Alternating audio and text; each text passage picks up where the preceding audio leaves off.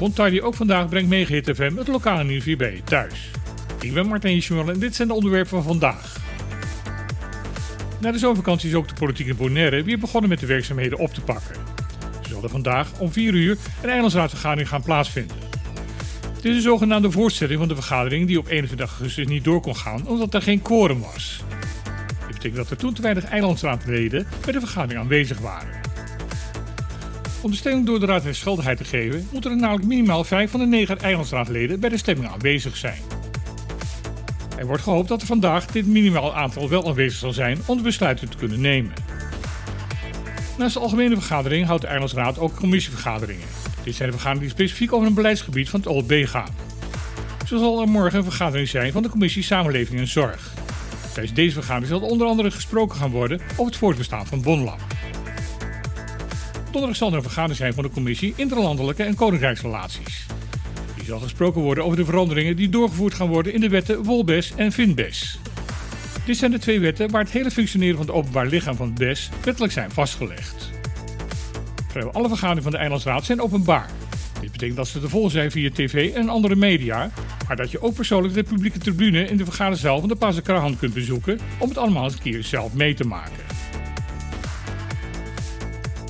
Na vele jaren van beloftes en speculaties is het motorsportcircuit Bonaire bij Onima afgelopen zondag officieel geopend. Het circuit bestaat uit een platform waar gedrift en gevierd kan worden en een dragstrip van ruim 400 meter lengte. Bij het uit de Verenigde Staten afkomstige fenomeen van drag races worden er races gehouden over een afstand van een kwart mijl.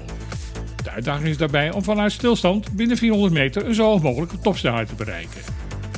Deze sport is al decennia zeer populair onder de jongeren van het eiland omdat er tot nu toe geen faciliteiten waren, was het gebruik geworden om in de weekenden de weg tussen Belgium en Sorbonne daarvoor te gebruiken.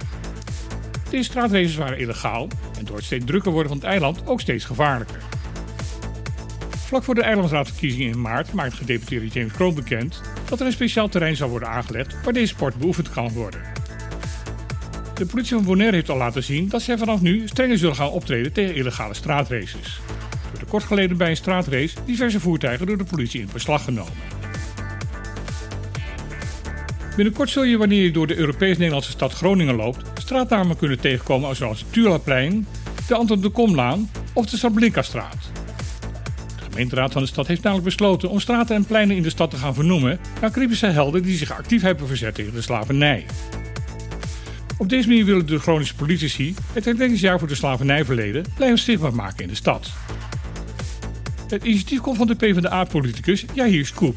Zijn roes liggen op Curaçao en hoopt dat in de toekomst een Gronings kind aan zijn ouders zal gaan vragen wie deze mensen nou eigenlijk waren. Zijn voorstel wordt met een ruime meerderheid in de gemeenteraad van Groningen aangenomen.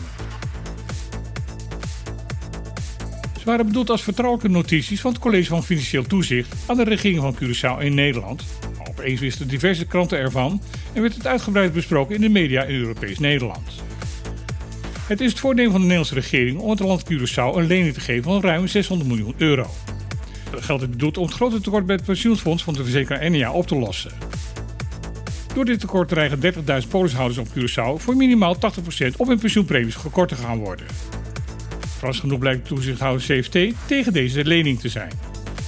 De redenatie daarbij is dat de extra rentelast die deze lening met zich meebrengt niet door het land Curaçao opgebracht kan gaan worden. Het CFT heeft deze opvatting laten weten aan de regeringen in Willemstad en Den Haag. Zoals gebruikelijk waren deze memo's vertrouwelijk en niet openbaar. Groot was de verbazing dat opeens het Antilliaans Dagblad en diverse kranten in Europa de memo's gingen publiceren. De vraag was natuurlijk wie heeft dit gelekt? Het antwoord op deze vraag bleek snel gevonden te zijn. De minister van Financiën van Curaçao, Xavier Silvania. Hij blijkt namelijk deze vertrouwelijke papieren gewoon op zijn Facebookpagina geplaatst te hebben.